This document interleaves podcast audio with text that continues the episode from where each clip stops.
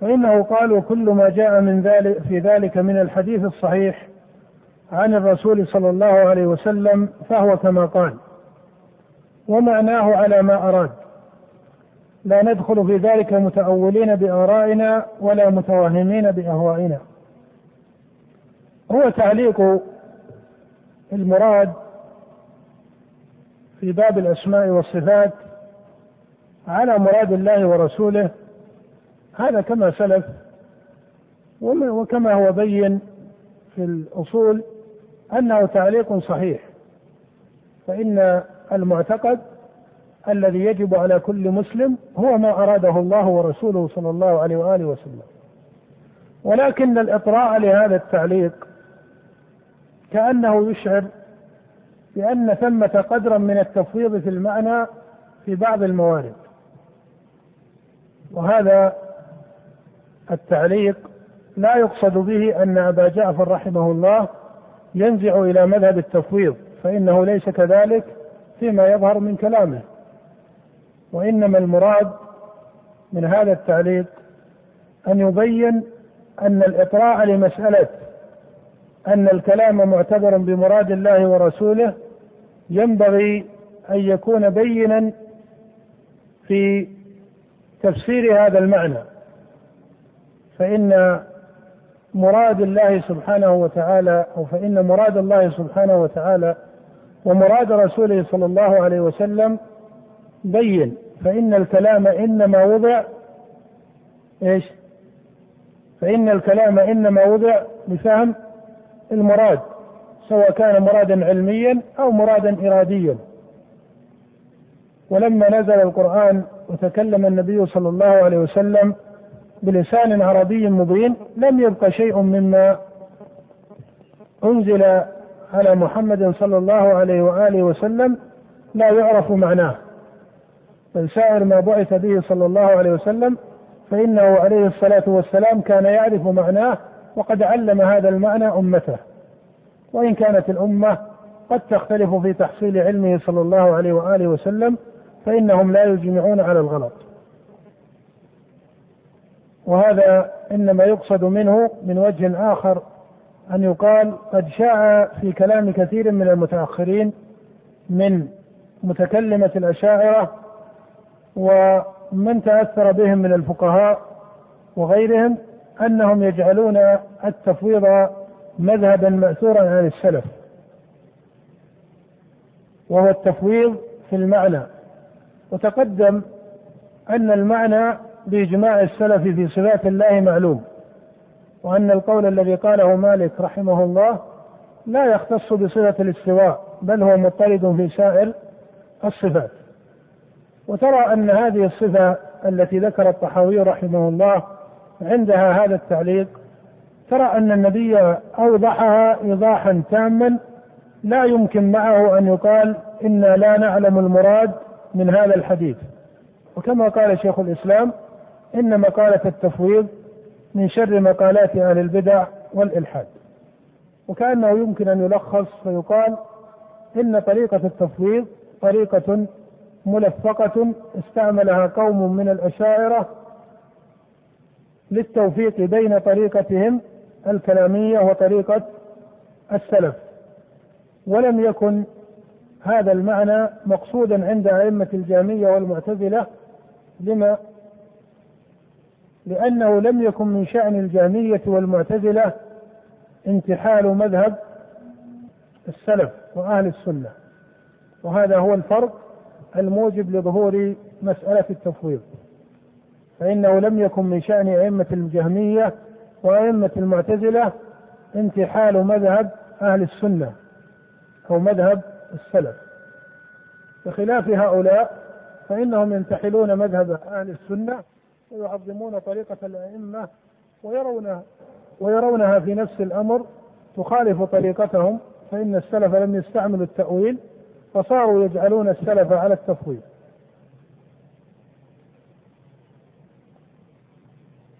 وصار الواحد من متكلميهم ربما استعمل طريقة تأويل وصححه فإذا بان له في آخر أمره بطلانه صرح بأنه رجع إلى مذهب السلف وهو التفويض كما صرح بذلك أبو المعالي الجويني. فإنه كتب الإرشاد وكتب الشامل وكتب غيرها من الكتب على طريقة التأويل وعلى طريقة أبي هاشم الجبائي من المعتزلة.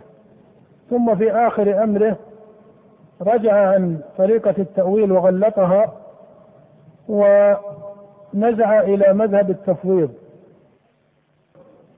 والتفويض ليس له معنى. بل إن الحقيقة أن التفويض ممتنع. فإن كل عاقل يعرف لسان العرب إذا قرأ قوله تعالى سبح اسم ربك الأعلى عرف من هذا أن الله سبحانه موصوف بالعلو. وكل عاقل يعرف لسان العرب إذا قرأ قوله تعالى ما منعك أن تسجد لما خلقت بيدي عرف أن الله موصوف باليدين. وكل عاقل يعرف لسان العرب إذا قرأ قوله تعالى وهو السميع البصير عرف أن الله متصف بالسمع والبصر.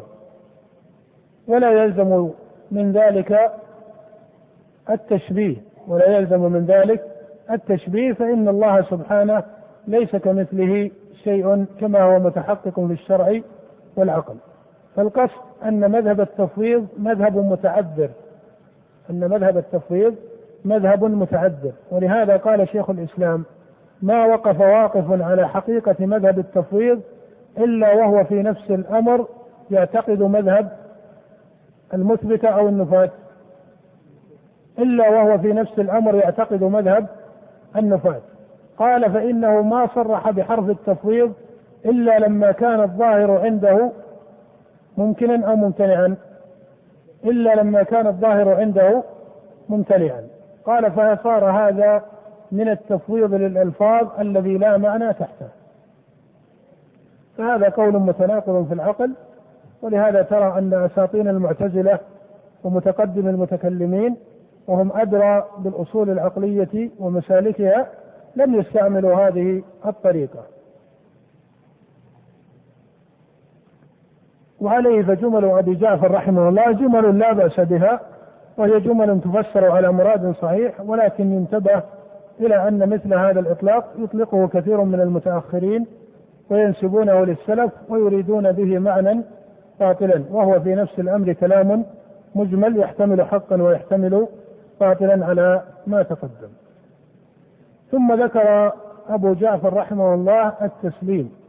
فقال فإنه ما سلم في دينه إلا من سلم لله عز وجل ولرسوله ورد علم ما اشتبه عليه إلى عالمه التسليم أصل في الإيمان على قوله تعالى فلا وربك لا يؤمنون حتى يحكموك فيما شجر بينهم ثم لا يجدوا في أنفسهم حرجا مما قضيت ويسلموا تسليما.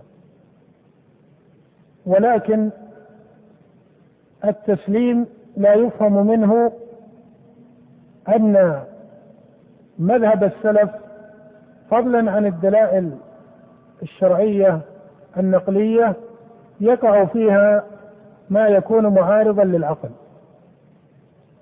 وهذا يعلق به يعني هذا الموضع على قانون ذكره المتكلمون وأصله من كلام الجهمية واساطين المعتزلة.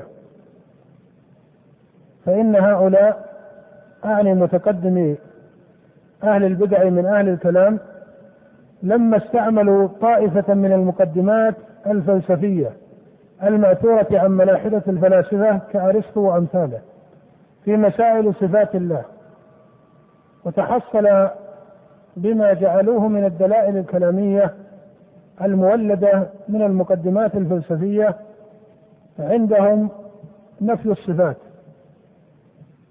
وصار معتبرهم في نفي الصفات ما يسمى بدليل الأعراض وهو دليل مركب من مقدمات فلسفية ومبني على قياس الشمول أو قياس التمثيل. ومعلوم ببداهة العقل والشرع أن الله سبحانه وتعالى منزه عن قياس الشمول وقياس التمثيل بل له المثل الأعلى. وهو معنى قوله سبحانه ليس كمثله شيء ومعنى قوله ولله المثل الأعلى. فلما استعملوا هذه المسالك الفلسفية المولدة في علم الكلام بما يسمى بدليل الأعراض وجاء من بعدهم ممن أظهر الفلسفة على التصريح كابن سينا فاستعمل دليل التركيب. وجاء طائفة بعد ذلك من مضطربة الأشعرية وأخص ذلك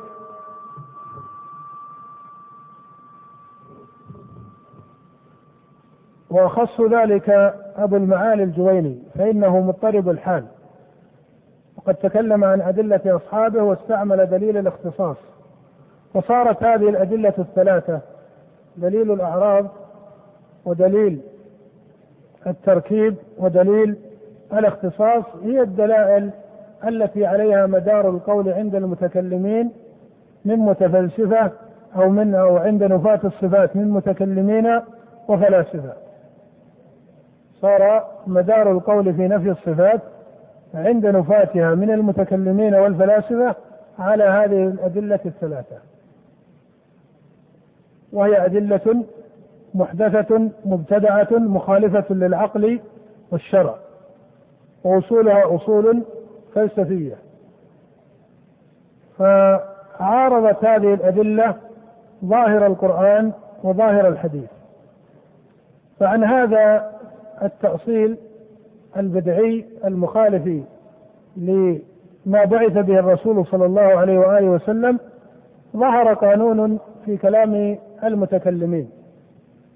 وقد ذكره متقدم أئمة الجهمية والمعتزلة ثم لما جاء الأشعري فمع كثرة انتسابه للسنة والجماعة صار يتباعد عن التصريح بهذا القانون ويعظم النصوص والآثار ويكثر من الرد إليها.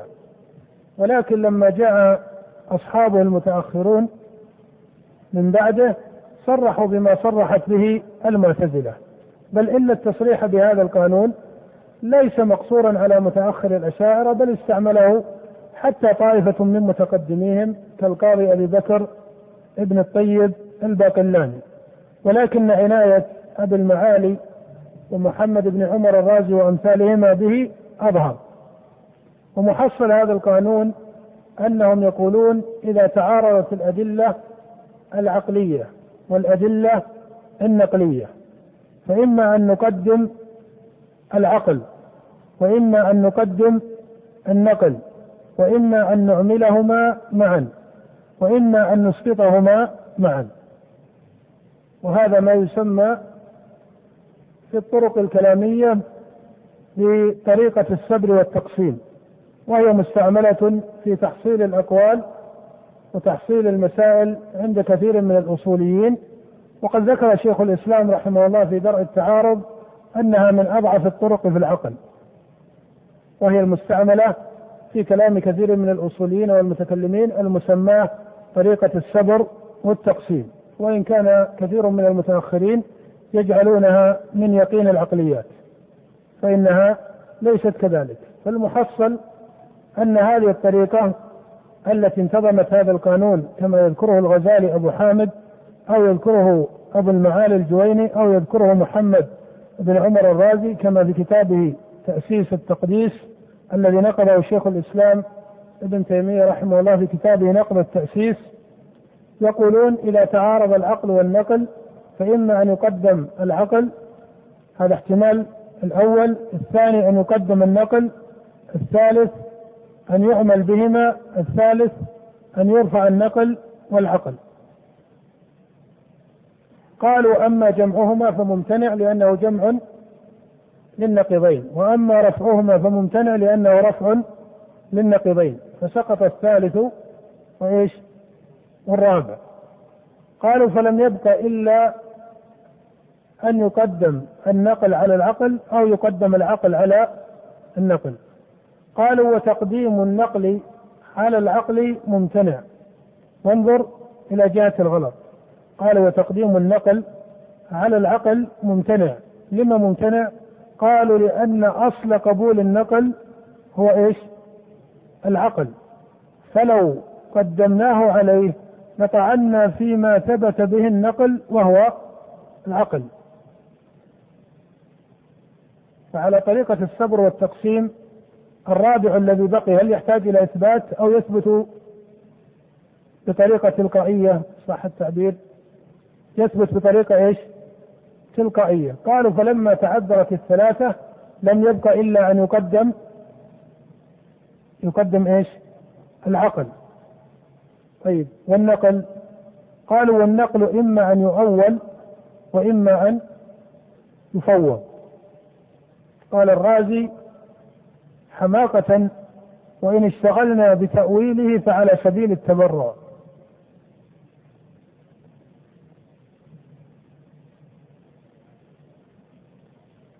قد يقول قائل إن الرجل قد يكون افضى إلى ما قدم هو صحيح. لكن المشكلة في هذه الخرافات التي كتبها من كتبها وإن كانوا كبارا في علوم أخرى وقد يكون لهم من التحقيق في بعض المسائل فإن الرازي محمد بن عمر كان فقيها شافعيا وكان أصوليا بارعا في الأصول وإن كانت طريقته في هذا متأثرة بمذهبه العقدي فلهم فضائل في أبواب من العلم. هذا لا إشكال فيه. لكن أغلاطهم هذه التي قالوها في أصول الدين وفي دلائلها الإشكال فيها أنها تستعمل من بعدهم وتقرر من بعدهم وكأنها أقوال آه، أئمة كبار. ولهذا يسمى الواحد منهم بحجة الإسلام أو بصدر الدين أو كذا إلى غير ذلك من الألقاب التي توحي بإمامتهم في مسائل أصول الدين. والأمر ليس كذلك لا بشهادة غيرهم عليهم بل بشهادتهم هم على أنفسهم. فإن الرازي صاحب هذا القانون قد صنف في آخر عمره كتابا سماه أقسام اللذات وقال إن لذة العقل هي العلم وهي أشرف اللذات وأن العقل هو أشرف ماهية في الإنسان وأشرف لذاته هي العلم. قال وأشرف العلم هو العلم بالله ثم قال والعلم بالله علم بذاته وعلم بصفاته وعلم بأفعاله ثم قال وعلى كل واحدة منها عقدة لم تنحل. ثم أنشد أبياته المعروفة نهاية إقدام العقول عقال وأكثر سائر العالمين ضلال ولم نستفد من بحثنا طول عمرنا سوى أن جمعنا فيه قيل وقالوا إلى آخر الأبيات ثم قال لقد تأملت الطرق الكلامية والمناهج الفلسفية فما رأيتها تشفي عليلا ولا تروي غليلا. ورأيت أقرب الطرق طريقة القرآن فهو رجع إلى طريقة القرآن رجوعا مجملا وليس رجوعا مفصلا. وقوله هذا ليس رجوعا لمذهب السلف على التفصيل فإن الأمر ليس كذلك. فالمقصود أن هذا هو القانون الذي يستعمله هؤلاء. وإبطال هذا القانون شأن واسع لكن نشير إلى خمسة أوجه في رده. الوجه الأول أن يقال إن هذا القانون مبني على إمكان تعارض العقل والنقل.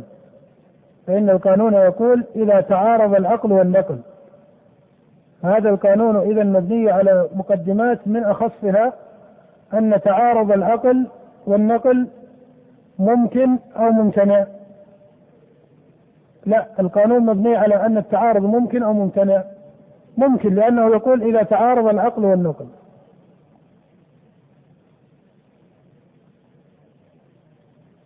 ومعلوم أن العقل والنقل حسب القانون يعد دليلا. والدليل إذا وردت عليه المعارضة من كل وجه لم يصح أن يكون دليلا في هذا المقام الذي وردت عليه المعارضة فيه. ومعنى هذا أن جعل النقل دليلا ثم إسقاطه بالعقل من باب الجمع بين النقيضين فإنما كان ساقطا أو لا يدل على المدلول لم يصح أن يسمى دليلا فإن الدليل هو ما يستدل به على المدلول. فأما إذا قيل إنه في هذا المقام ليس دليلا فإنه إذا قيل إنه في هذا المقام يقدم العقل عليه فإنه في نفس الأمر لا يكون لا يكون دليلا في هذا المقام فإن الدلائل الصحيحة في نفسها يمتنع أن تكون إيش؟ متعارضة فلما صح عندهم أن النقل معارض للعقل وأن العقل مقدم عليه علم أو لزمت نتيجة لهذا الكلام أن النقل يكون دليلا أو لا يكون دليلا في هذا المقام. لا يكون دليلا. فتقديم العقل عليه حقيقته القول بأن النقل ليس دليلا في مسائل أصول الدين.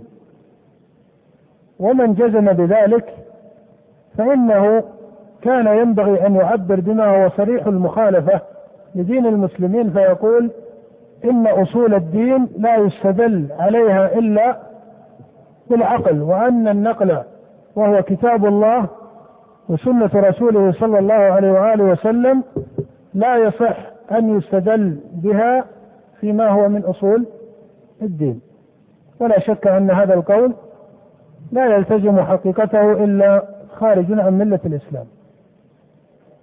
فإنه على هذا لا يكون النقل دليلا.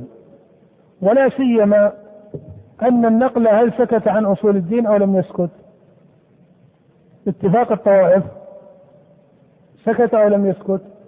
لم يسكت بل ذكر أصول الدين ذكر الأسماء والصفات وترى أن كتاب الله سبحانه وتعالى مليء بذكر أسماء الرب وصفاته.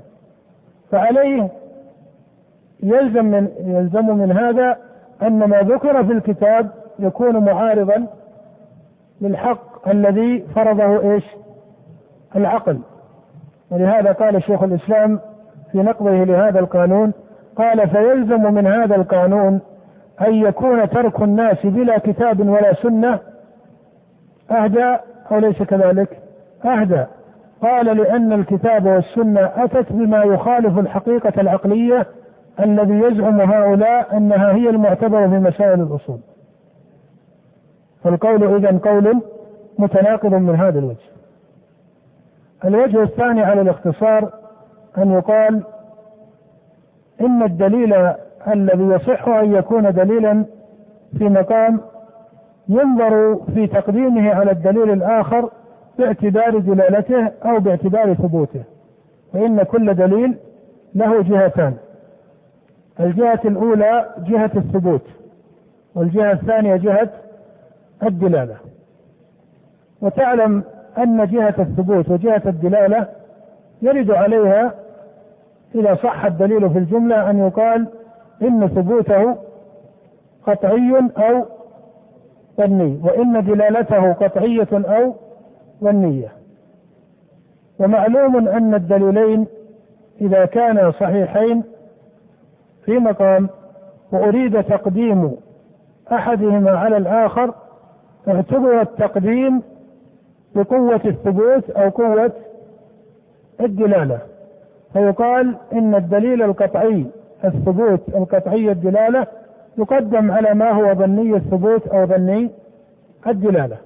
ومعلوم أن هذا تقديم صحيح عند سائر العقلاء. التقديم بالقوة. فيقال إن القطعية مقدم على الظني. فنقول هنا في هذا الوجه يعاد الصبر والتقسيم من وجه آخر فيقال الدليل العقلي والدليل النقلي إما أن يكونا قطعيين وإما أن يكونا ظنيين وإما أن يكون أحدهما قطعيا والآخر ظنيا. أما كونهما قطعيين في الدلالة والثبوت فهذا ممكن أو ممتنع؟ فهذا ممتنع إلا إذا فرض اتفاقهما. وأما على فرض تعارضهما فهذا إيش؟ ممتنع. لما؟ لأنه يلزم عليه أنه تعارض قطعي الثبوت والدلالة مع إيش؟ مع قطعي الثبوت والدلالة وهذا مخالف لأصول الحقائق العقلية فإن الجمع بين النقيضين ممتنع. وكون الدليل النقلي والدليل العقلي ظني الثبوت ظني الدلالة هذا أيضا وإن فرض العقل جوازه إلا أنه ممتنع لأنه يلزم عليه أن تكون المعرفة والتوحيد لا تتعدى ولا تتجاوز إيش؟ الظن وألا يكون هناك علم في أصول الدين ولا شك أن هذا ممتنع عقلا وشرعا فلم يبق إلا إيش؟ إلا أن يكون الدليل العقلي والدليل النقلي أحدهما قطعي الثبوت والدلالة والآخر ظني. ومعلوم أن القرآن قطعي الثبوت في إجماع المسلمين. ومن نازع في قطعية ثبوته فقد كفر وخرج من ملة الإسلام. لا يقبل منه صرف ولا عدل. ومعلوم أن القرآن قطعي الدلالة. ووجه كونه قطعي الدلالة لأنه لا أفصح عند العرب من الإسناد في ذكر الصفة أو ذكر الفعل. فإنك إذا أردت ولله المثل الأعلى أن تقول بأنك قمت أو بأن زيدا قد قام فإنه ليس هناك أفصح في لسان العرب من أن تقول إن زيدا إيش؟ قد قام وإن زيدا يتكلم وإن زيدا انصرف. وهلم جرى من الإسنادات إسناد الفعل أو إسناد الحال؟ ومعلوم أن أسماء الرب وصفاته جاءت مسندة صريحة وليس هناك موجب لدعوى أن الدلالة في اللسان ظنية. ويمكن أن نلخص هذا المعنى بطريقة أخرى فنقول من زعم أن دلالة القرآن ظنية فإنه يقال له إذا فرضت الدلالة القطعية في بماذا يعبر عنها باللسان؟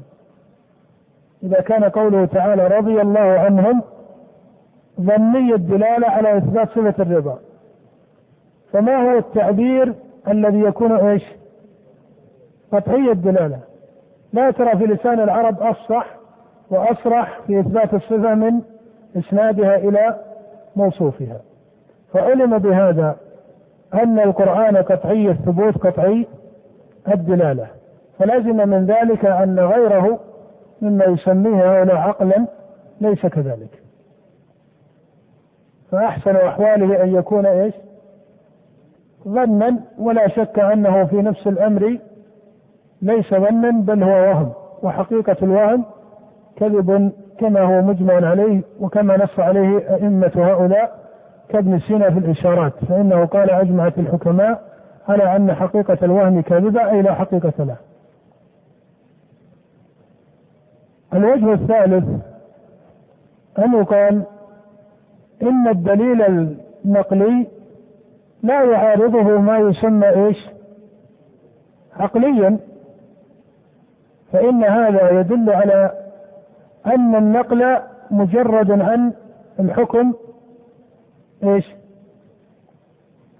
أن يقال إن الدليل النقلي لا يصح أن يعارضه ما يسمى دليلا عقليا لأن هذا يستلزم أن الدليل النقلي بريء من الحكم والدلالة إيش؟ العقلية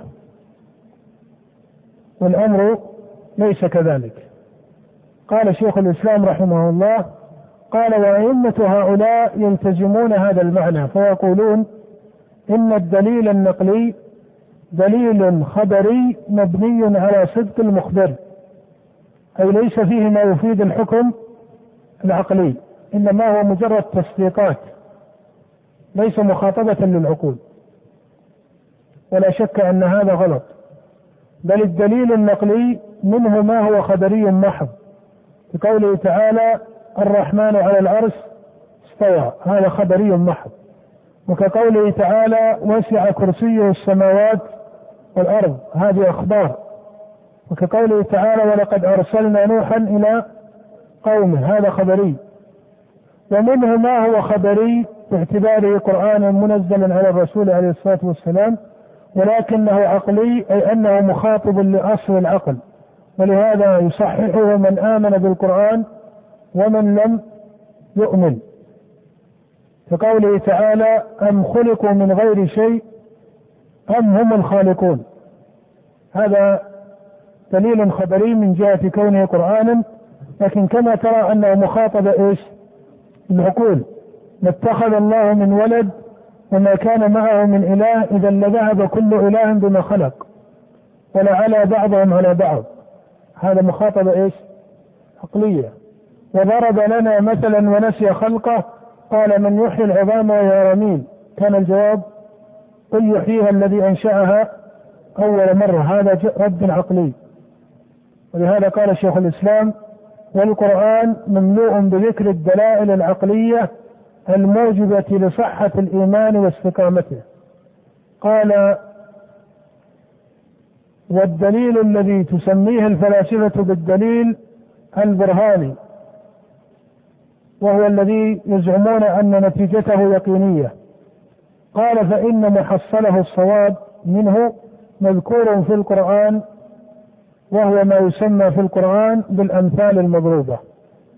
كقوله وضرب لنا مثلا وكقوله ضرب لكم مثلا من أنفسكم في تقرير التوحيد إلى غير ذلك. فالأمثال المضروبة في القرآن هي الدلائل العقلية اليقينية. مع أنه يعلم أنه ليس كل ما زعمه المتفلسفة دليلا عقليا يقينيا وهو القياس البرهاني يكون كذلك.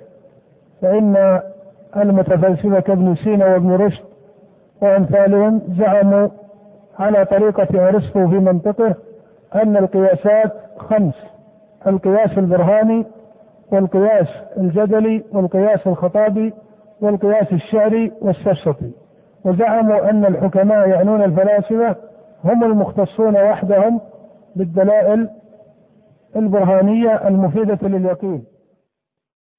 لا شك أن المتكلمين خير منهم فإن كل من كان إلى الكتاب والسنة أقرب كان قوله ودليله أقوم وأصوب فإذا كان الصواب أن يقال الدليل النقلي إذا عارضه دليل بدعي. فإن النقل يراد به الشرع يراد به الدلائل السمعية المنزلة على الرسول عليه الصلاة والسلام. ومعلوم أن الذي يعارض ذلك يسمى في حكم الله ورسوله دليلا إيش؟ بدعيا فإن كل ما خالف السنة فإنه بدعة. فكان ينبغي أن يقال الدليل النقلي إذا عارضه دليل بدعي وهنا يكون الحكم واضحا فإن الحق ليس في البدعة بل هو في السنة. وأما أن يقال الدليل النقلي إذا عارضه دليل عقلي فهذا مبني على مقدمة كاذبة وهي أن النقل بريء من الأحكام العقلية. وهذا لم يقله إلا أئمة الجهمية الغالية ولا يلتزمه عارف في أدلة القرآن وبيانه وأحكامه. فإن الله ذكر من الحجج العقلية ما تصحح الإيمان وتهدي العقول المقدمة أو الجواب الخامس أو الرابع. الرابع. الجواب الرابع وهو أن يقال إن قولهم إذا تعارض الدليل النقلي والدليل العقلي. أما الدليل النقلي فمعين وهو الكتاب والسنة. فيطرح السؤال عليهم ماذا تقصدون بالدليل العقلي؟ إن زعموا أن المراد بالدليل العقلي هو نظر كل عاقل وحده أي نظر زيد وحده ونظر عمر وحده فهو على كل تقدير الدليل الذي عارض عندهم نصوص الأسماء والصفات. على كل حال هذا قانون يطول البحث فيه والصواب أن يقال إن العقل ليس معارضا للنقل وعليه لا تنتظر نتيجة تقول إن مذهب السلف هو تقديم العقل على تقديم النقل على العقل فهذه الجملة وإن أطلقها بعض أصحاب السنة والجماعة على مراد أن من خالف عقله شيئا من الوحي فإنه يقدم الوحي على على إيش؟ على عقله فعلى هذا المراد الصحيح يمكن لقائل أن يقول إن النقل مقدم على على إيش؟ على العقل فهو تعبير لا بأس به على هذا التفسير. ولكن التعبير الأحكم أن يقال إنه ليس ثمة تعارض بين العقل والنقل. وكل من زعم أن العقل عارض شيئا من النقل فإن العقل الذي زعمه وهم ليس بصحيح. والله سبحانه وتعالى سمى مثل ذلك ظنا وسماه خرصا فيسمى هذا أو لا يسمى هذا عقلا بل يسمى إيش؟ ظنا ووهما وخرصا. إلى غير ذلك من الأسماء التي ذكرها الله في كتابه عن مثل ذلك. وإلا فالعقل ذكر في الشرع على مقام شريف وذكر موجبا للإيمان ومصححا له. وفي قول الكفار في آخر أمرهم لو كنا نسمع أو نعقل. ما كنا في أصحاب السعير وفي قوله تعالى لهم قلوب ولقد ذرأنا لجهنم كثيرا من الجن والإنس لهم قلوب لا يفقه لا يعقلون بها ولهم آذان لا يسمعون بها إلى آخر السياق. فالعقل ذكر مصححا وموجبا للإيمان.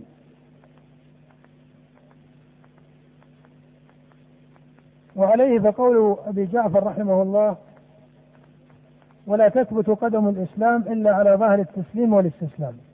وقال لا شك أن التسليم والاستسلام من أخص أصول الإيمان كما تقدم. ولكن لا يفهم من ذلك أن طريقة السلف مبنية على التسليم الذي ليس تحته علم وإنما هو تسليم بمعنى التفويض. بل التسليم لا يكون إلا عن علم. والتسليم الحق هو التسليم الذي يكون مبنيا على اليقين. ولهذا جمع الله سبحانه وتعالى بين ذلك وبين العلم في قوله فلا وربك لا يؤمنون حتى يحكموك. وهذا رد إلى العلم فيما شجر بينهم ثم لا يجدوا في أنفسهم حرجا مما قضيت ويسلموا تسليما. وبمعنى آخر فإنه يمتنع في الوجود أن يتحقق التسليم مع إيش؟ مع الجهل أو المعارضة يمتنع أن يتحقق التسليم مع الجهل أو مع المعارضة لأن التسليم حقيقته ماذا؟ العلم اليقيني لأن التسليم حقيقته العلم اليقيني وإذا قلت بأن حقيقته العلم اليقيني فإذا أردت هذا على طريقة النظم في المنطق فإنك تقول إن التسليم يكون نتيجة للعلم اليقيني ويكون العلم اليقيني ماذا؟ تكون المعرفة والعلم اليقيني مقدمة للتسليم ويكون التسليم هو على الترتيب المنطقي يكون نتيجة ومعلوم أن عدم المقدمة الموجبة يستلزم عدم عدم إيش؟ النتيجة فعدم المعرفة والعلم اليقيني يستلزم عدم التسليم. ولهذا لم يقع في الوجود تسليم واستسلام تام مع الجهل. ولهذا ترى أن هرقل في سؤالاته عن نبوة النبي صلى الله عليه وسلم قال ومن يتبعه؟ أشراف الناس أم ضعفاؤهم؟ ثم قال هل يرتد أحد منهم عن دينه بعد أن يدخل فيه سخطة له؟ فقال أبو سفيان لا. فقال هرقل فيما بعد وسألتك هل يرتد أحد منهم فزعمت أن لا وكذلك الإيمان إذا خالط بشاشة القلوب. ولهذا لا ترى أن مؤمنا ثبت على الإيمان والإسلام فيزيغ إلا بسبب من الضلال انتحله إلى نفسه. ولهذا قال الله سبحانه وتعالى ويضل الله الظالمين. بمعنى أن الضلال الذي يعقب الهدى لا يكون إلا بجهة من العبد. وفي قوله تعالى وما كان الله ليضل قوما بعد إذ هداهم حتى يبين لهم ما يتقون. إلى غير ذلك. قال فمن رام علم ما حضر عنه علمه ولم يقنع بالتسليم فهمه حجبه مرامه عن خالص التوحيد وصافي المعرفة والأمر كذلك. فإن أهل السنة من الصحابة وأئمة السلف هم أصدق هذه الأمة علما وإيمانا وهم المحققون للتوحيد توحيد المعرفة وتوحيد العبادة. بخلاف هؤلاء القوم الذين كثر فيهم الخرص من المتكلمين ومن طاف على مذهبهم أو قاربه أو طوائف من أرباب الأحوال المخالفة من المتصوفة أو من قاربهم ترى أنهم في أمر مريج وكما قال شيخ الإسلام في قول مختلف يؤفك عنه من افك وهذا شائع في كلامهم وتحصيلاتهم فترى أنهم من أكثر الناس جهلا بالسنن والآثار ولا أدل على ذلك من أن بعض فضلائهم المقاربين والمعظمين لطريقة السلف كأبي حامد الغزالي يذكر هو عن نفسه أنه مزجي البضاعة في الحديث وترى أنه في إحيائه مع أن كتاب الإحياء بالنسبة لكتب أبي حامد يعد من أجودها إلا أنه ترى يستدل فيه بالموضوع ويستدل بما في صحيح البخاري وكثيرا لا يفرق بين هذا الدليل وهذا الدليل. وهم قد ابتعدوا عن السنن والآثار واشتغلوا بهذه العلوم العقلية التي زعموها علوم عقلية وكان من فقه السلف رحمهم الله أنهم ما كانوا يسمون علم الكلام علما عقليا ولا يجعلون دليله دليلا عقليا بل يسمونه علم الكلام.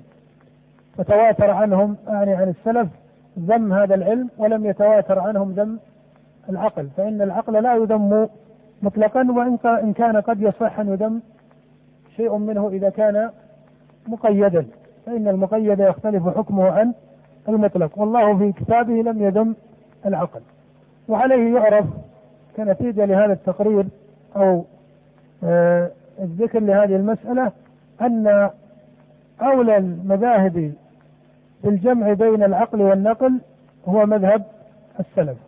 ومن فقه شيخ الإسلام أن سمى كتابه درء تعارض العقل والنقل أي أنه لا تعارض بين العقل والنقل وكل عقل زعم صاحبه أنه عارض النقل فالشأن في عقله إلا إذا فرض أن النقل لا يكون صحيحا كحديث يروى ولا يصح عن الرسول صلى الله عليه وآله وسلم. قال المؤلف عليه رحمة الله ومن لم يتوفى النفي والتشبيه زل ولم يصب التنزيه فإن ربنا جل وعلا موصوف بصفات الوحدانية منعوت بنعوت الفردانية ليس في معناه أحد من البرية نعم. هذه الجمل التي ساقها الطحاوي رحمه الله هي استثناء في تعليقه على توحيد الأسماء والصفات. وقوله ومن لم يتوقع النفي والتشبيه زل ولم يصب التنزيه. هذا تحصيل وإشارة إلى أن مذهب سلف الأمة مبني على الجمع بين الإثبات والنفي. ولهذا ترى أن الله سبحانه وتعالى في كتابه ذكر الأسماء والصفات على جهة الإثبات المفصل والمجمل. وذكر سبحانه وتعالى تنزهه عن غيره ايا كان هذا الغير. وتقدم أن الأصل في النفي في القرآن هو الإجمال وإن كان يقع منه ما هو مفصل ولكن كل نفي مفصل في القرآن كقوله ولا يظلم ربك أحدا وكقوله لا تأخذه سنة ولا نوم فإنه ليس نفيا محضا. فإن النفي المحض عدم المحض. والعدم المحض ليس بشيء فضلا عن كونه متعلقا بصفات الكمال. بل كل نفي فإنه يتضمن امرا ثبوتيا. وإن كان المصنف رحمه الله استعمل لفظ النفي مقاربا للفظ التشبيه. وتعلم أن لفظ النفي أشرف من لفظ التشبيه فإن لفظ التشبيه منفي على الإطلاق. وإن كان لم يصرح بنفيه في القرآن وإنما صرح في القرآن بنفي التمثيل ولكن لفظ التشبيه مستعمل نفيه في كلام السلف. وأما النفي فإنه معنى يقابل الإثبات في العربية. وتعلم أن الله سبحانه وتعالى ذكر النفي في القرآن فإن النفي يراد به نفي الصفة ونفي الصفة مجملا أو مفصلا مستعمل في القرآن. فالمجمل قوله ليس كمثله شيء والمفصل كقوله ولا يظلم ربك أحدا فهذا نفي. ولا شك أن مراد أبي جعفر رحمه الله في النفي هنا النفي الذي تستعمله الجهمية والمعتزلة ومن شاركهم في طريقتهم من متكلمة الصفاتية. فإن هذا النفي هو النفي المذموم عند السلف. وإنما نعلق هذا التعليق لأن الأولى ألا يعبر بالنفي مقابلا للتشبيه. فإن السلف براء من طريقة التعطيل والتشبيه والتمثيل. فيكون المقابل على التحقيق لطريقة المشبهة والممثلة هي طريقة المعطلة. وإلا فإن النفي لصفات النقص مجمع عليه بين السلف وإن كانوا يستعملون في ذلك طريقة القرآن وحين نقول وإن كانوا يستعملون في ذلك طريقة القرآن أي أنه ليس من شأن السلف أن يفصلوا صفات السلب أي صفات النفي على التفصيل لما؟ لأن كل إثبات مفصل في القرآن فإنه يستلزم بضرورة العقل إيش؟ يستلزم بضرورة العقل نفي ما يقابله. فإذا ذكر الله سبحانه وتعالى علمه فإن هذا يستلزم ضرورة نفي الجهل وهلم مجرة وهذا هو الموجب إن صح التعبير لكون النفي المفصل لم يستعمل في القرآن. وهذه هي الطريقة المعروفة عند العقلاء في إثبات الكمال. هذه هي الطريقة المعروفة عند العقلاء في إثبات الكمال. وعليه حرف الطحاوي مراده ما تقدم وهو أن مذهب السلف وسط بين التعطيل والتشبيه. ولكنه استعمل لفظ النفي ولو أنه لم يستعمله واستعمل لفظ التعطيل أو ما يقاربه مما ذم السلف لكان أولى. نعم. قال فإن ربنا جل وعلا موصوف بصفات الوحدانية منعوت بنعوت الفردانية ليس في معناه أحد من البرية. هذه جمل مجملة يتفق المسلمون عليها فليس أحد من المسلمين ينازع في جمل التوحيد الأولى. فإن من نازع في فيما هو من جمل التوحيد الكلية فإنه لا يكون مسلما. وحين نقول إن هذه الجمل يتفق المسلمون عليها لأنها من شرط عقد الإسلام. وإن كان لا يلزم من ذلك أن مناط هذه الجمل يكون محققا عند سائر أهل القبلة. فإنك ترى من الجمل أن الله موصوف بالكمال منزه عن النقص. فهذه الجملة هي من جمل التوحيد الكلية. المجمع عليها بين سائر طوائف المسلمين. بمعنى أن من نازع في هذه الجملة فإنه من أكثر الكفار وألحد الملحدين. ولا يضاف إلى الإسلام بوجه من الوجوه. فإن هذه الجمل يتفق المسلمون عليها. ولكن لا يلزم من هذا الاتفاق المجمل أن يكون هناك تحقيق عند سائر الطوائف للمناط الصحيح لهذه الجملة فترى أن المعتزلة سمت نفي الصفات توحيدا وصار من أخص أصولهم ومقدمها التوحيد ويريدون بالتوحيد هنا نفي الصفات. فهذه الجمل التي ذكرها الطحاوي ليس فيها محصل يحصل به تمييز لمذهب السلف عن غيرهم بل هي جمل صحيحة ولكنها جمل مجملة مشتركة. فإن معناها كما هو ظاهر أن الله سبحانه وتعالى يتصف بصفات الكمال وأنه منزه عن مشابهة الخلق في صفاته وأنه لا يليق به سبحانه وتعالى إلا الكمال المطلق فلا يشاركه أحد في صفات كماله. وحين نقول فلا يشاركه أحد في صفات كماله فإن هذه جملة أيضا يتفق المسلمون عليها أنه لا يشاركه أحد في صفات كماله مشاركة مماثلة. وإن كان غلط من غلط من طوائف المشبهة في بعض أحرف هذه المسألة. وقابلهم أهل التعطيل الذين بالغوا في التفريق بين صفاته وصفات خلقه إلى حد التعطيل. وإلا فإن التفريق ثابت بالإجماع. والمقصود من هذا أن لفظ المشاركة بين الصفات اللائقة بالخالق واللائقة بالمخلوق لفظ صار يقع فيه إجمالا عند المتأخرين. فإن فإن الأصل أن الله منزه عن المشاركة. ولكن لفظ المشاركة صار يستعمل فيما هو من الحق الذي أي فيما هو من المعاني الحقة التي صحت بالكتاب والسنة والإجماع. فيكون المعنى حقا لكن لا يصح تسميته مشاركة. ويعنى بذلك الغلط الذي انتظم عند عامة طوائف المتكلمين من النفاة المحضة أو من يقاربهم وأخذ عنهم من متكلمة الصفاتية وهو ظنهم أن الاشتراك في الاسم المطلق يستلزم التماثل عند الإضافة والتخصيص.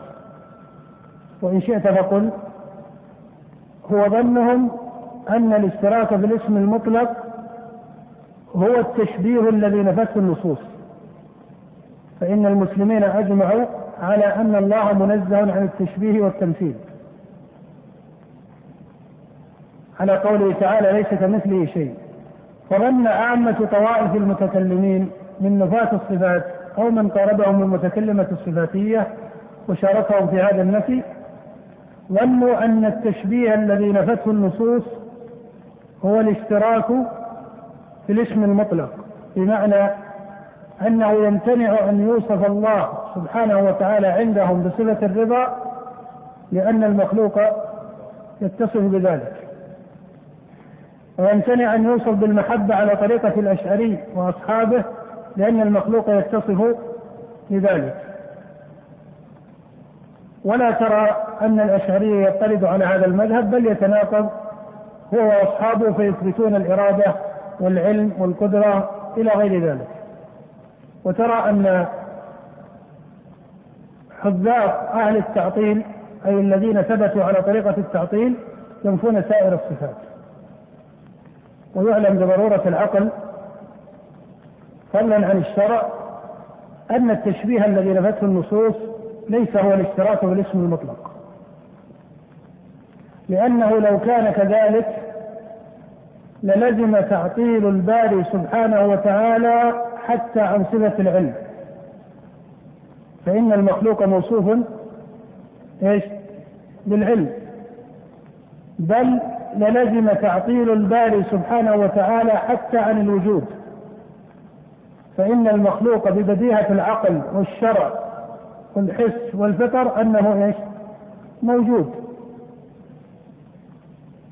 فهذا يستلزم تعطيل الباري عن صفة الوجود ومن هنا عني شيخ الإسلام رحمه الله بتقرير مسألة الوجود وتكلم من تكلم من الباحثين المتأخرين أو بعبارة أدق المعاصرين فقالوا إن عناية شيخ الإسلام بمسألة الوجود كأنه أثر من أثر متكلمة الصفاتية عليه وأن السلف ما كانوا ينتظمون التوحيد على تقرير مسألة الوجود لأنها مسألة فطرية.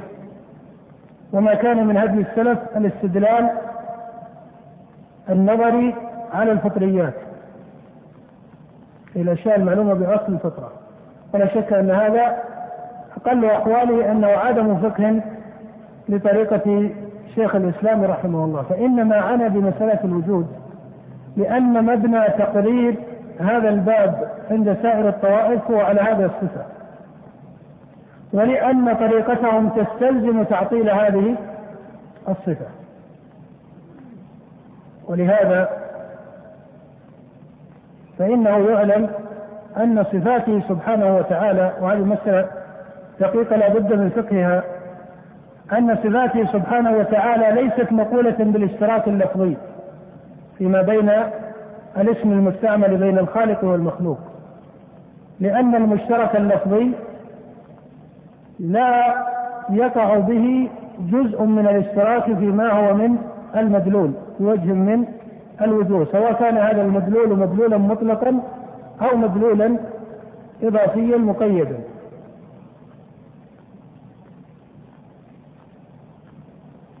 من ذلك مثلا أنك إذا قلت سهيل بن عمر وسهيل إيش؟ النجم فهذا اسم للنجم وهذا اسم لسهيل بن عمرو. فهذا يعده كثير من أهل المنطق وإن كانوا قد يتنازعون فيه إذا أدخلوا مسألة المجاز يعدونه مثالا للمشترك اللفظي بمعنى أن يكون الاسم المطلق واحدا ولا يكون هناك اشتراك لا في الإطلاق ولا في التعيين من جهة المدلول. لأن الصفات إذا قيلت على هذا الوجه المصنف أو شيخ الإسلام رحمه الله يقول ويمتنع أن يكون بعض الصفات من هذا الوجه لأنه لو كان كذلك لامتنع إيش؟ من يكمل؟ لامتنع لامتنع فهم الخطاب أليس الله سبحانه وتعالى إذا قال في كتابه إن الله كان بكم رحيما إن الله كان سميعا بصيرا فقه المسلمون ومن يقرأ القرآن أو يسمعه لأن الله موصوف بالسمع ويفرقون بين معنى السمع ومعنى البصر وبين معنى العلم ومعنى الكلام وبين الرحمة وبين إيش؟ الغضب. فهذا مبني على قدر من التواطؤ. وهذا القدر من التواطؤ ليس هو التشبيه الذي نفته النصوص وأجمع على نفسه السلف لأنه قدر كلي. لا وجود له في الخارج مختصا إلا موصوفا أو إلا مضافا لموصوفه وإنما هذا قدر كلي يفهم به الخطاب. ولهذا لما ناظر شيخ الإسلام رحمه الله في مسألة الوجود على هذا الوجه قال إن من عطل صفة من الصفات لزمه التسلسل في التعطيل حتى يعطل الباري عن العلم ومن التزم نفي صفة العلم كما التزمه غلاة المعطلة فإنه يلزمه أن يعطل الباري حتى عن إيش؟ الوجود لأن المخلوق موجود. وقد لزم هذا السؤال على سائر أو لزم هذا السؤال سائر مذاهب التعطيل. فكان لهم جوابات متناقضة في العقل فضلا عن بطلانها في الشرع. ومنه قول ومن جواباتهم قول من يقول بأن لفظ الوجود بين الخالق والمخلوق مقول بالاشتراك اللفظي. وهذا الجواب الذي زعم الرازي في كتبه أنه منتهى الأجوبة العقلية الصحيحة عن هذه المسألة. ولا شك أنه أفسد الأجوبة. وعن هذا أعرض عنه حذاق المعتزلة المتقدمين وأعرض عنه متقدم الأشاعرة. لأنه إن قال إن لفظ الوجود مقول بالاشتراك اللفظي لزم من ذلك العلم بوجوده سبحانه أو عدم العلم. لزم من ذلك عدم العلم بوجوده لأنه ما من دليل يذكر في الوجود إلا ويراد به الوجود المعروف عند العقلاء وهو قيام الشيء في الخارج. فإذا ما قيل إن لفظ الوجود في حقه مقول بالاشتراك اللفظي صار هذا تعطيلا للوجود من وجه أخص. فالقصد أن هذه المذاهب مذاهب تستلزم التعطيل المطلق. ولهذا فإن من نفى صفة من الصفات فإن ذلك يستلزم عنده التشبيه. وعن هذا قال من قال من أهل السنة إن كل ممثل معطل وكل معطل ممثل. وعن هذه الطريقة قرر شيخ الإسلام رحمه الله بأن مذهب هؤلاء ينتهي إلى تعطيل الباري عن صفات الكمال وهو السلب المحض. والسلب المحض تشبيه له بالمعدومات. والسلب المحض أي النفي المحض الذي ليس معه إثبات تشبيه له سبحانه بالمعدومات. بل إن المعدوم منه ما يقبل الوجود ومنه ما لا يقبل الوجود وهو الممتنع لذاته. وهم يلتزمون أن صفات الإثبات ممتنعة. فيلزم من ذلك تشبيهه سبحانه وتعالى وتقدس بالممتنعات.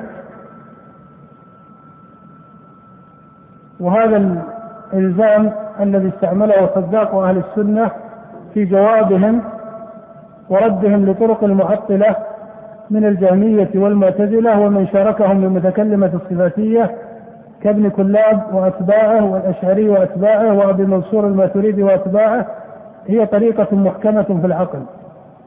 وقد يقول قائل إن هذا من باب لازم المذهب وإن لازم المذهب ليس مذهبا. فإنه يقال أما من جهة الأحكام المعالية فإن هذا من لازم المذهب. بمعنى أنه لا يحكم على أحد بذلك حكما معاليا من جهة لازم مذهبه. ولكن عند التحقيق العلمي فإن هذا المعنى هو حقيقة مذهب هؤلاء. فإن تعطيل الصفات ما كان معروفا حتى في مشرك العرب فليس هو فرعا عن سائر أنواع الكفر وإنما هو فرع عن كفر ملاحدة الفلاسفة كأرسطو وأمثاله الذين ما كانوا يثبتون ربا خالقا للعالم وإنما كانوا يثبتون ما يسمونه علة غائية يقارنها معلولها وتقدمها عليه أو تقدمها تقدم العلة على المعلول بالشرف والعلية وليس بالزمان.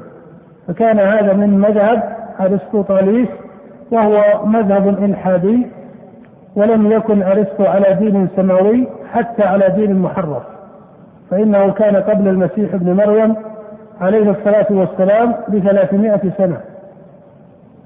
وكان رجلا ملحدا كافرا متفلسفا خرج عن طريقة أستاذه أفلاطون الطريقة المثالية إلى طريقة زعم أنها طريقة عقلية تقوم على التجريد العقلي وتقوم على تعطيل الباري سبحانه وتعالى عن خلقه ووجوده وصفاته.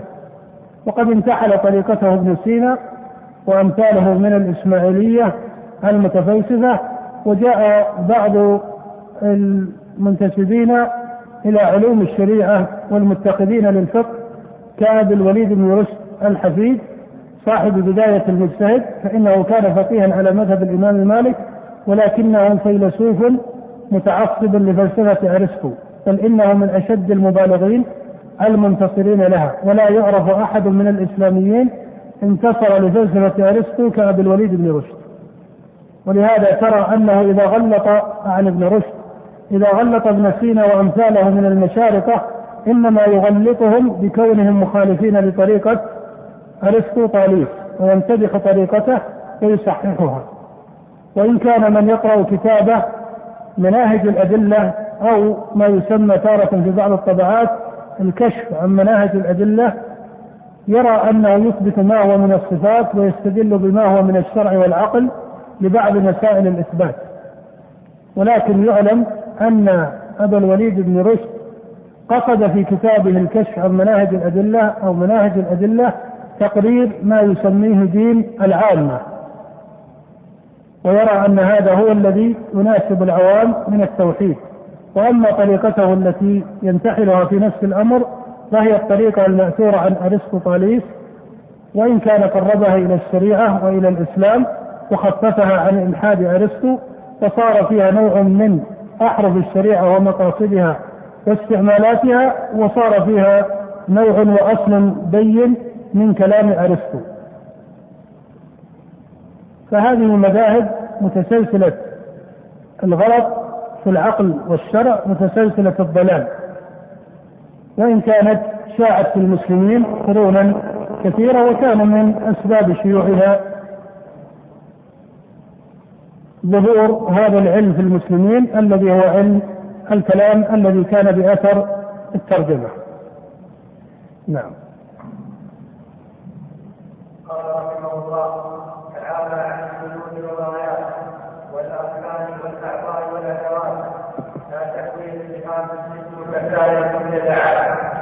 هذه الجمل التي يستعملها أبو جعفر رحمه الله ليست جملا حسنة وليس ولم يعبر بها. فإن الله سبحانه وتعالى وإن كان متعاليا ومنزها عن سائر صفات النقص ومتعاليا ومنزها عن الصفات التي تستلزم مشابهته أو مماثلته لخلقه فإن هذه الأحرف ما كان أحد من السلف يعبر بنفسها. وإنما كانوا يستعملون طريقة القرآن في ذلك. فهذا من وجه. اعني هذا هو الوجه الأول لعدم استحسان هذه الأحرف أن السلف ما كانوا يستعملونها. الوجه الثاني وهو الأخص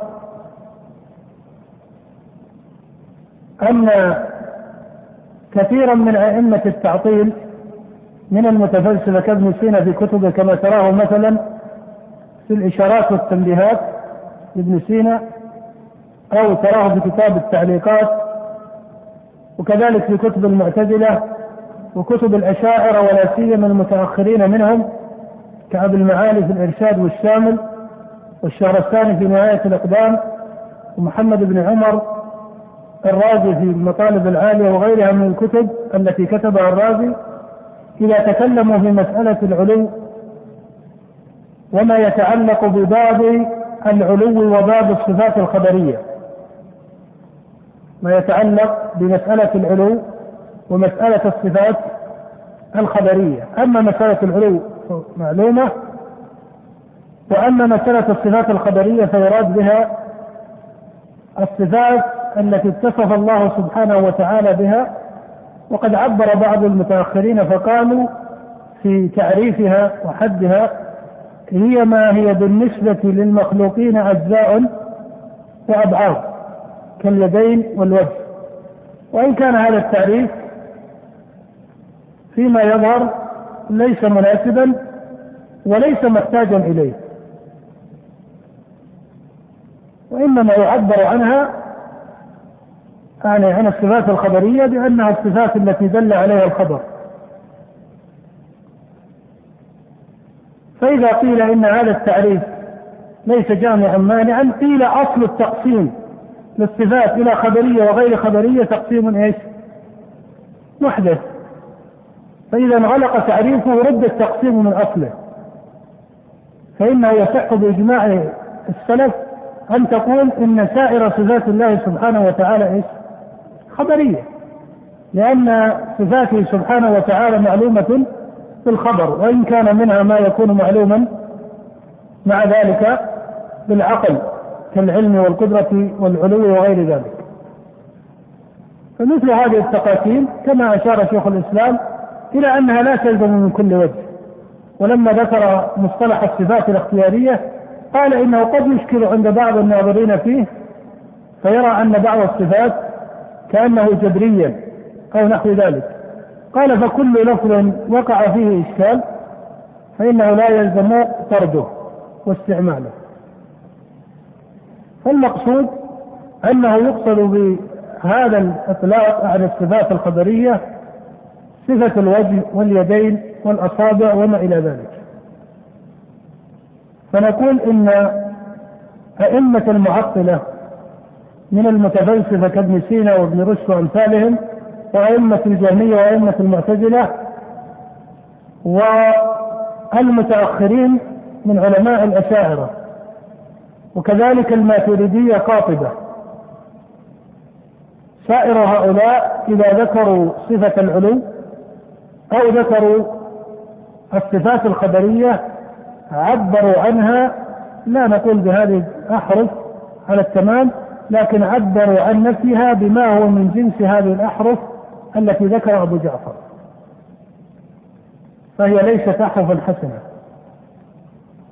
وإن كنت إذا نظرت فيها قلت إنه سبحانه وتعالى منزه عن الأعضاء. إذا ما أريد بالأعضاء التركيب الذي يقع للمخلوق وهو افتقار كل جزء منه إلى الآخر وأنه لا قيام له من جهة نفسه وإنما قيامه بغيره إلى غير ذلك. ثم حصل هذه الأحرف التي ذكر أبو جعفر أنها أحرف إيش؟ مجملة تحتمل حقا وتحتمل باطلا وهي محدثة وتقدم معنا أن القاعدة أن كل لفظ أو جملة تقع مجملة حادثة فإنها لا تطلق إثباتا ولا إيش؟ ولا نفيا. هذا إذا لم يكن يعبر بها في كلام أهل التعطيل عن مرادات تخالف عقيدة السلف. وأما إذا اقترن مع هذا المعنى فيكون التباعد عنها والنهي عن استعمالها من باب أولى.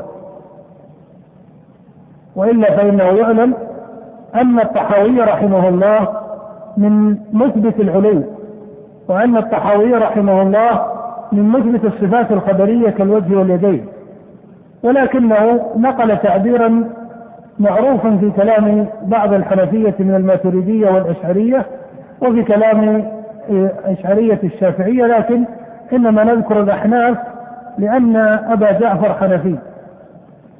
وقد قدم في أول رسالته أنه يكتب معتقد أبي حنيفة وصاحبيه. فكأن هذا دخل عليه من بعض كتب الحنفية ولا سيما أن جمهور كتب الحنفية المكتوبة في أصول الدين بعد أبي حنيفة جمهورها ليس على التحقيق بل يقع فيه أوجه من الغلط كثير.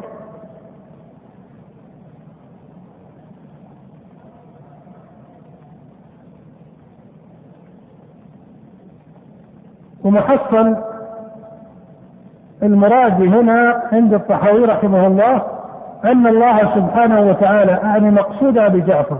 هنا تكلمنا فيما تقدم عن حرفه وجملته واستعماله. وأما مقصوده رحمه الله فإنه مقصود فاضل. فإنه مقصود فاضل. فإن مراده بذلك أن الله سبحانه وتعالى مع إثبات صفات الكمال له منزه عن صفات المخلوقين. فليس معنى كونه متصلا بصفة اليدين أنها تكون كيد أو كأيدي المخلوقين. وكذلك كونه متصفا بالعلو فليس معنى ذلك أن جهة من الجهات تكون تحويه فإن الله منزه عن التحيز في مكان يحويه ويحيط به. وإن كنت تعلم أن لفظ التحيز ولفظ الجهة وأمثالها هي من الألفاظ المجملة التي لا تطلق إثباتا ولا ولا نفيا.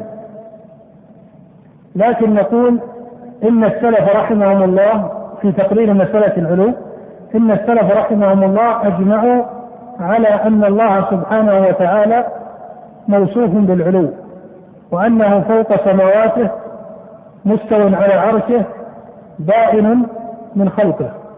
وهذا مجمع عليه بين الصحابة وأئمة التابعين ومن تبعهم بإحسان وهذا هو قول سائر المرسلين وأتباعهم. ولهذا من فقه بعض أعيان الأئمة أن قال إن أول من أنكر العلو هو فرعون. أو أو بعبارة أدق قال أول من عرف عنه إنكار العلو فرعون.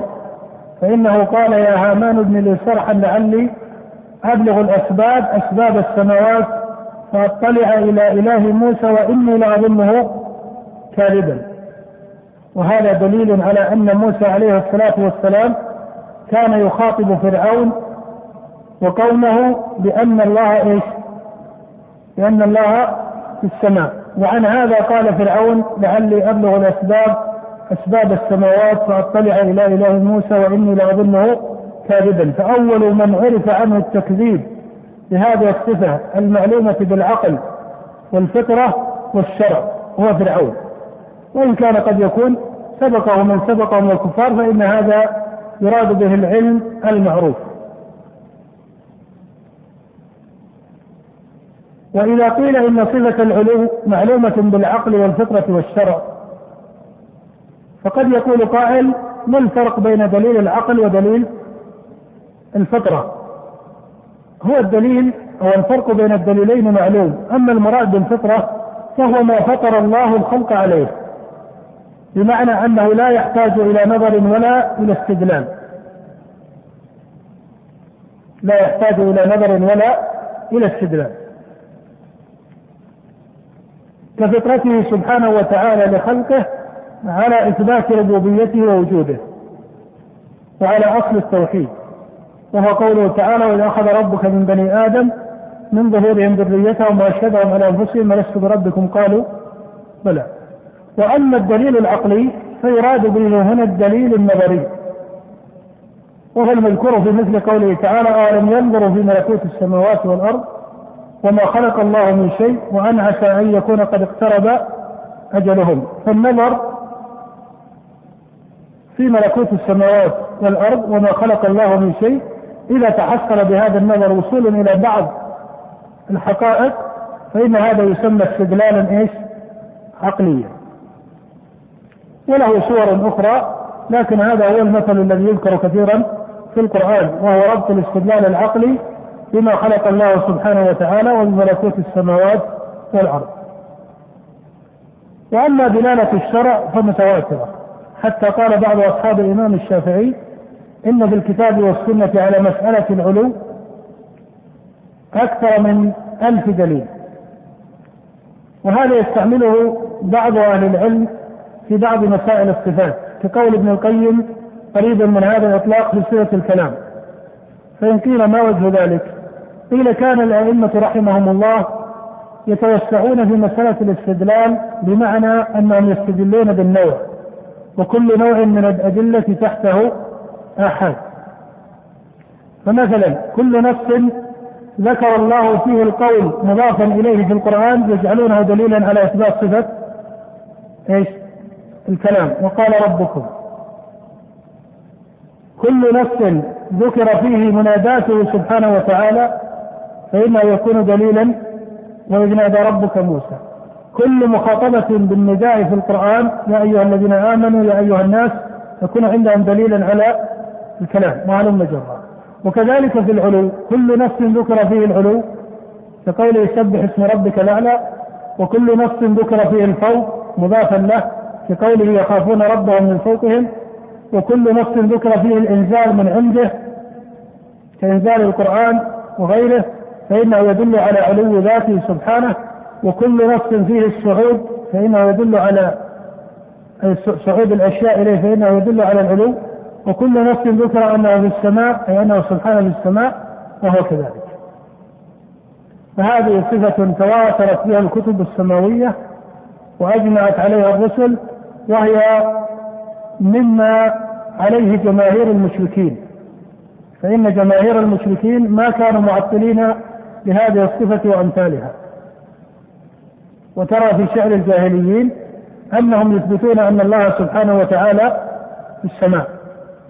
وهذه من الطرق التي يستعملها بعض أهل السنة أنه لو كان إثبات الصفات معارضا للعقل لكان أولى به من؟ أولى بالاعتراض العقلي أهل الشرك. فإنك ترى أنهم لما عارضوا رسالة النبي صلى الله عليه وآله وسلم وما جاء به لم يكن عندهم دليل عقلي يطعن في الرسالة. فغاية ما استعملوه أن النبي كاهن وأنه ساحر وأنه مجنون وقالوا إنما يعلمه بشر مع أنهم من أعلم الناس بطلانا لهذه المقالات التي يقولونها. فترى أنه لو كان فيما أنزل عليه صلى الله عليه وآله وسلم ما يخالف صريح العقل كما يزعم المعتزلة ومن شاركهم والمتفلسفة أئمة التعطيل. لو كان فيما هو من الأسماء والصفات فضلا عن سائرها ما يكون مخالفا للعقل. أترى أن الجاهليين ما كانوا على بصر بالعقليات؟ وهذا يدل على أن العقليات التي يستعملها هؤلاء ما هي إلا مقالات أو مقولات وشبهات من الكفر والإلحاد. قالها بعض ملاحدة الفلاسفة من اليونان وغيرهم فدخلت إلى المسلمين بعد عصر الصحابة رضي الله تعالى عنهم. وهذا ما صرح به أئمتهم. فإن ابن سينا قال إن سائر ما يذكره الأنبياء ليس مستعملا في مقولات الحكماء. ولهذا ترى أن ابن رشد ولا سيما أن الشارح عن ابن عبد العز ذكر ذم ابن رشد التأويل.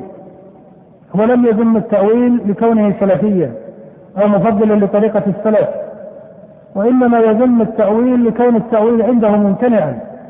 وكما قال ابن سينا في ذم التأويل ورد على مسألة المجاز لأنهم يرون أن القرآن لم ينطق بالتوحيد تعالى الله سبحانه وتعالى وكلامه عما يقول هؤلاء.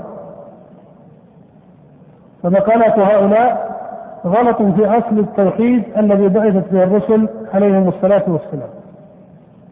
فنقول إن من طرق بعض أئمة السنة والجماعة أنهم يقولون لو كان فيما هو من الأسماء والصفات ودلائلها ما يعارض العقل لذكره المشركون. فلا ترى أن مشركا احتج على آية من القرآن من هذا الوجه مطلقا. بل كان الأصل عندهم هو إثبات الأسماء والصفات وإن كان هذا يدخل في قولنا إن مشرك العرب كانوا يقرون بتوحيد إيش؟ بتوحيد الربوبية فليس معنى إقرارهم بالأسماء والصفات الذي هو أصل من أصول الربوبية أنهم يكونون محققين لهذا الأصل فإنه حتى الربوبية بمعناها المختص إذا ذكر التقسيم على ثلاثة أقسام للتوحيد ليس معنى هذا أن مشرك العرب كانوا محققين لتوحيد الربوبية فأصل إيمانهم به لا يعني أنهم محققون له على التمام فإن هذا التوحيد لا يحققه على التمام إلا ما اقتدى بالمرسلين لأن من أخص تحقيق هذا التوحيد على التمام هو الإقرار بتوحيد إيش؟ الإقرار بتوحيد الألوهية ومن الصور الشائعة في المشركين المعارضة لتوحيد الربوبية الاستقسام بما الاستقسام بالأزلام.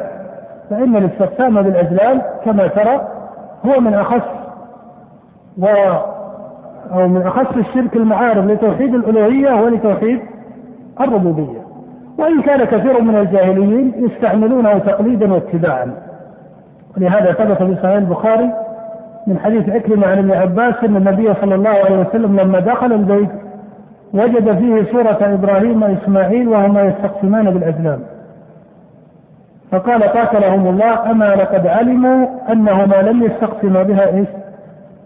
لم يستقسما بها قط ويذكر بعض أهل الأدب وهذا من طريف الحال مما يدل على أن الجاهليين لا يلزم بالضرورة أن يكون هذا الذي يقعون فيه عن قناعة من العقول فإن العقل لا يدل على ذلك. أن امرأ القيس لما قتل أبوه أتى يستقسم بالأزلام. هل يقاتل آه، أو أو هل يذهب إلى بني أسد أو لا يذهب إليهم ليقاتلهم ويأخذ بثأر يده؟ فاستقسم بالأزلام فخرج أنه لا يفعل. فأعاد الاستقسام فخرج أنه لا يفعل.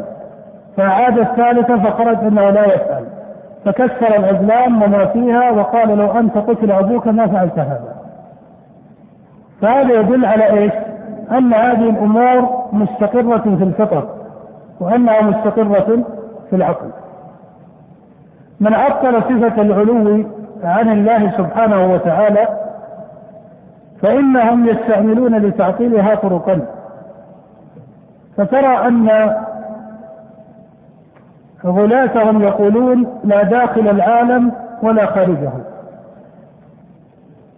وترى أن بعض من ينتسب منهم للسنة والجماعة وهو ليس كذلك كمتأخر الأشاعرة يعبرون بنفي الجهاد. وهذا تعبير عبر به طوائف من المعتزلة. فالعبارات المستعملة إما لا داخل العالم ولا خارجه وهذه عبارة متفلسفتهم ومن اقتدى بهم من معتزلة أو بعض حتى متأخر الأشاعرة كمحمد بن عمر الرازي فإنه يقول ولا يقال إنه داخل العالم ولا يقال إنه خارج العالم. وهذا نقله من كتب ابن سينا فإنه كان مشغوفا بها.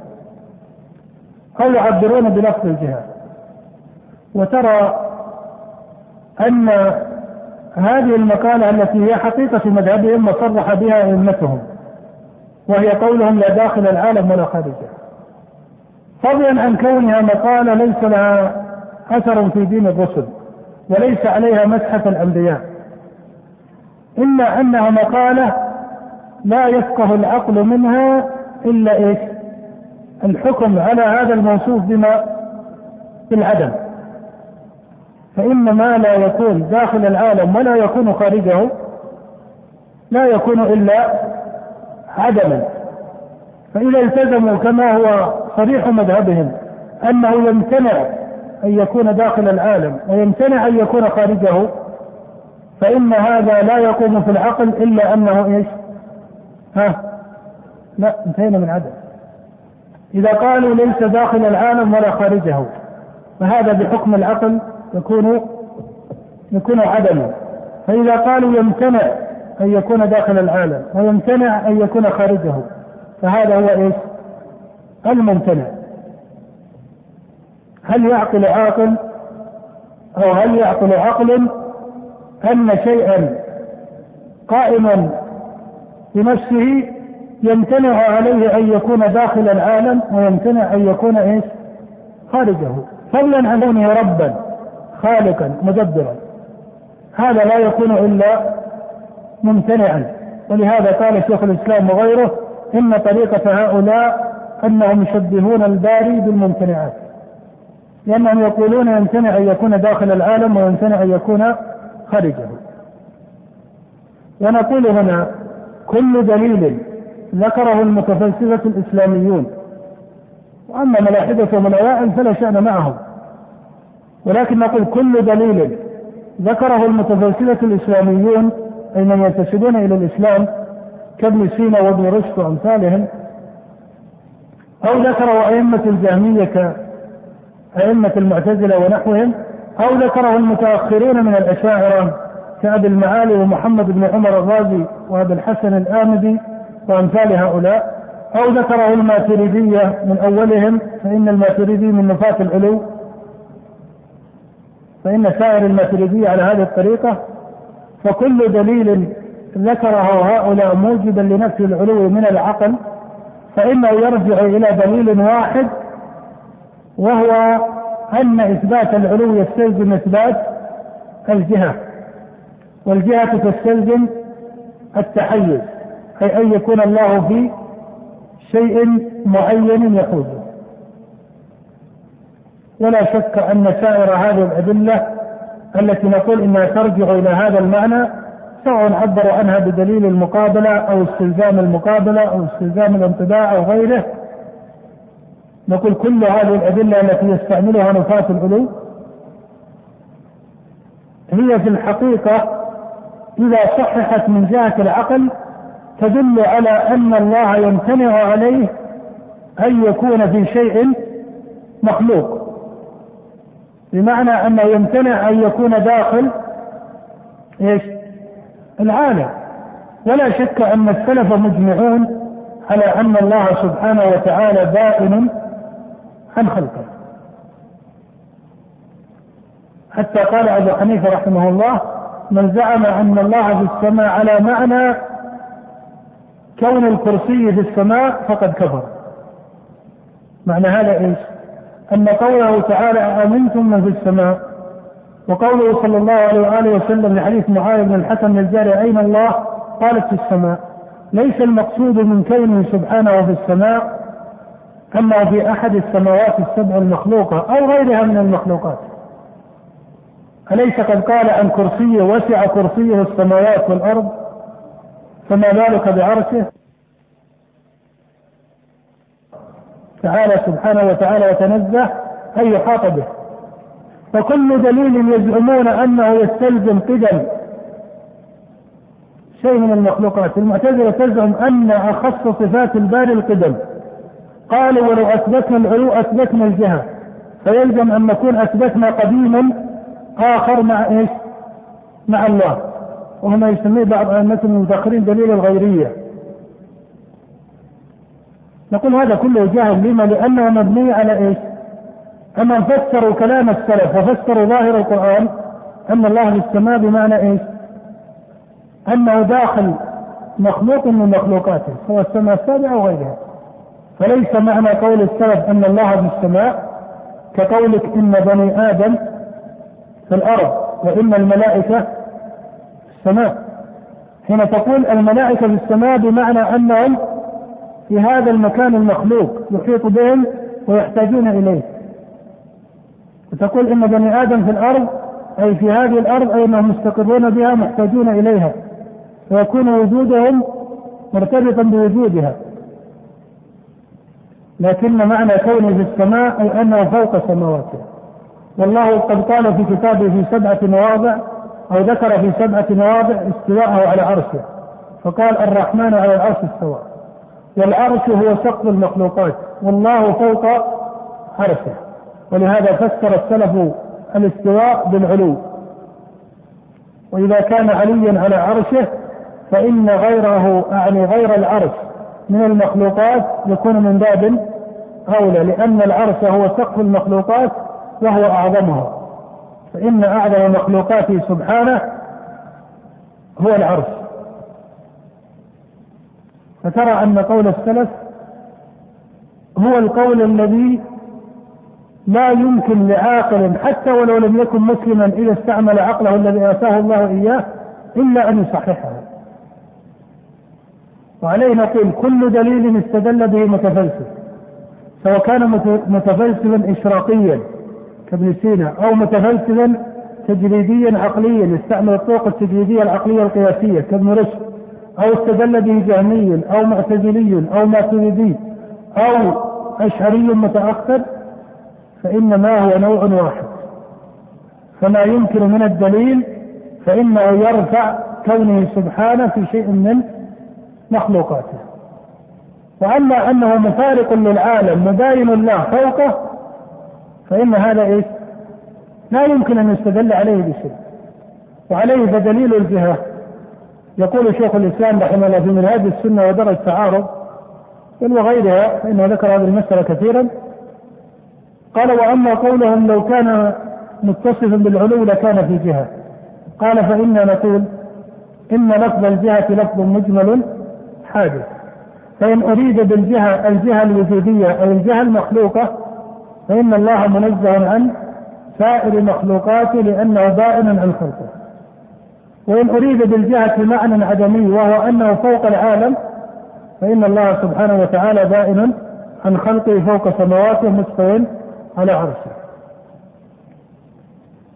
ومن باب الاستطراد يقول رحمه الله يقول ومن زعم أن سائر ما يكون موجودا يلزم أن يكون في جهة مخلوقة في جهة مخلوقة فقد غلط قال فإن العالم متناهي. من جهة كونه مخلوقا.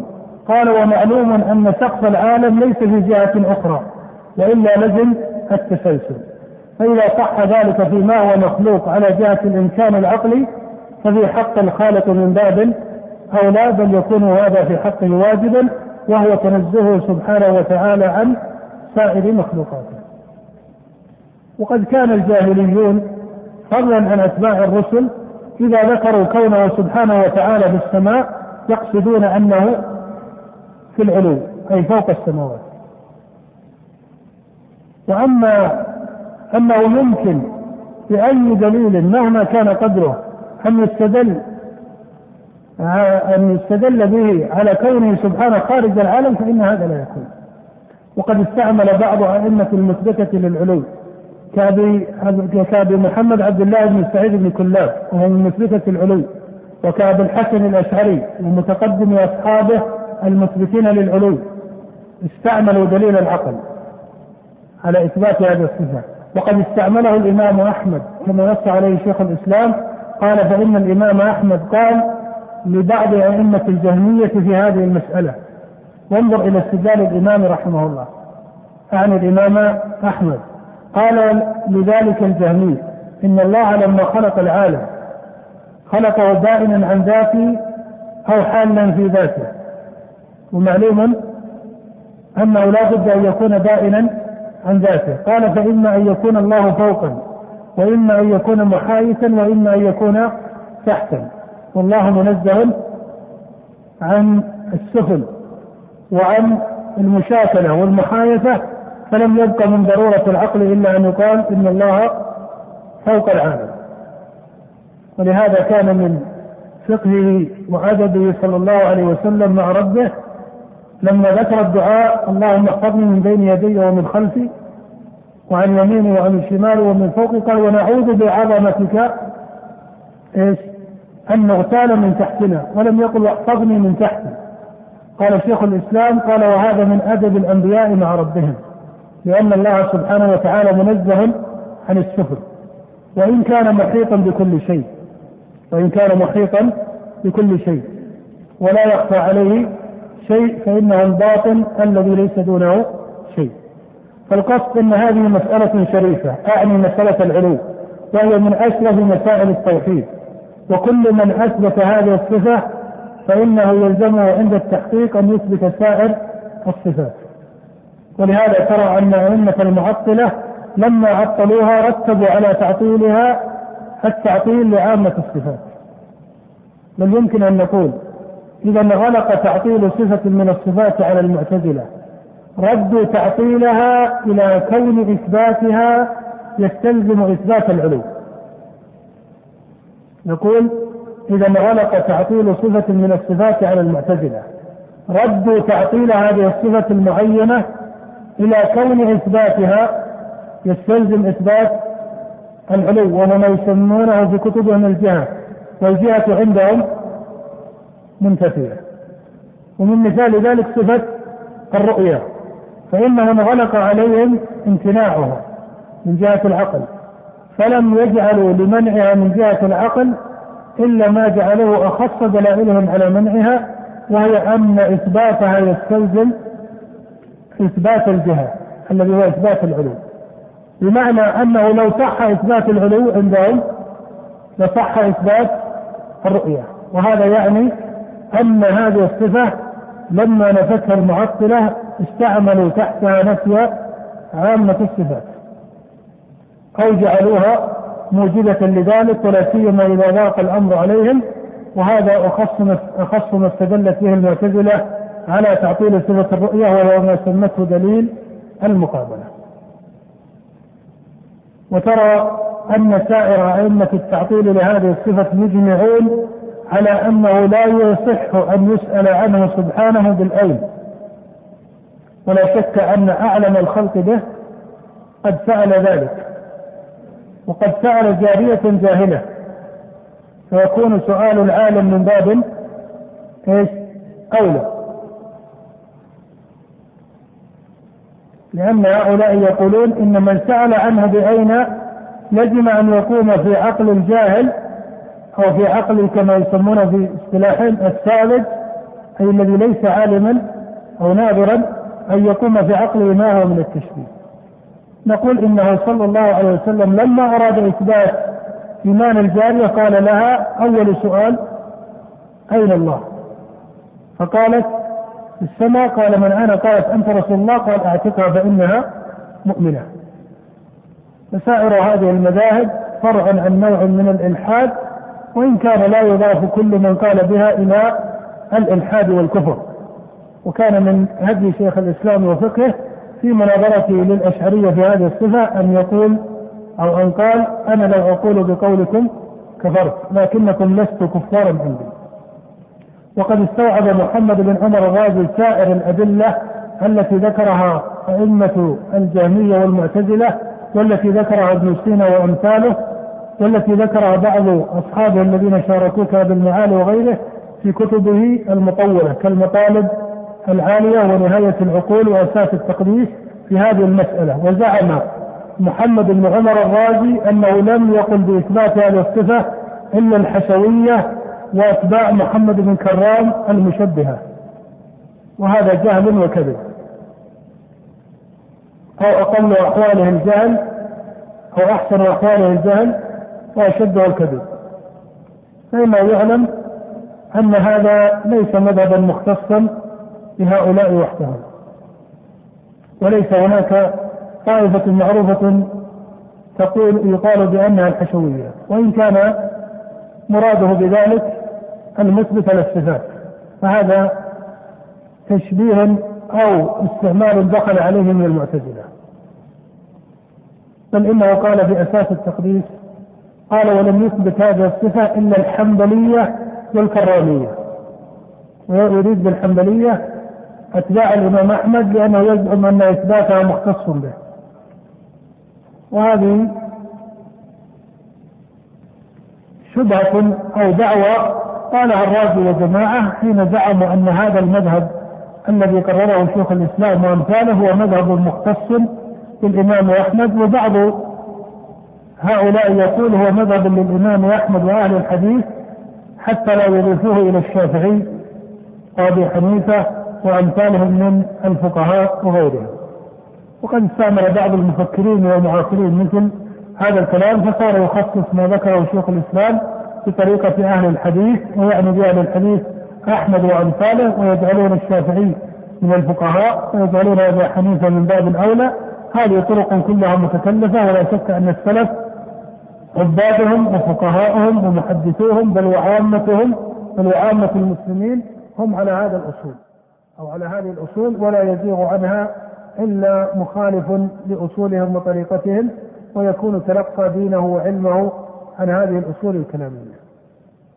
التي يعلم أنه من الممتنع في العقل فضلا عن الشرع أن يعلق الإيمان والتوحيد بها. قال شيخ الإسلام في درجة التعارض ولو كان الناس محتاجين في أصول دينهم إلى غير ما ذكره الرسول صلى الله عليه وآله وسلم وما نزل عليه لما كان هذا القرآن بيانا وهدى للناس.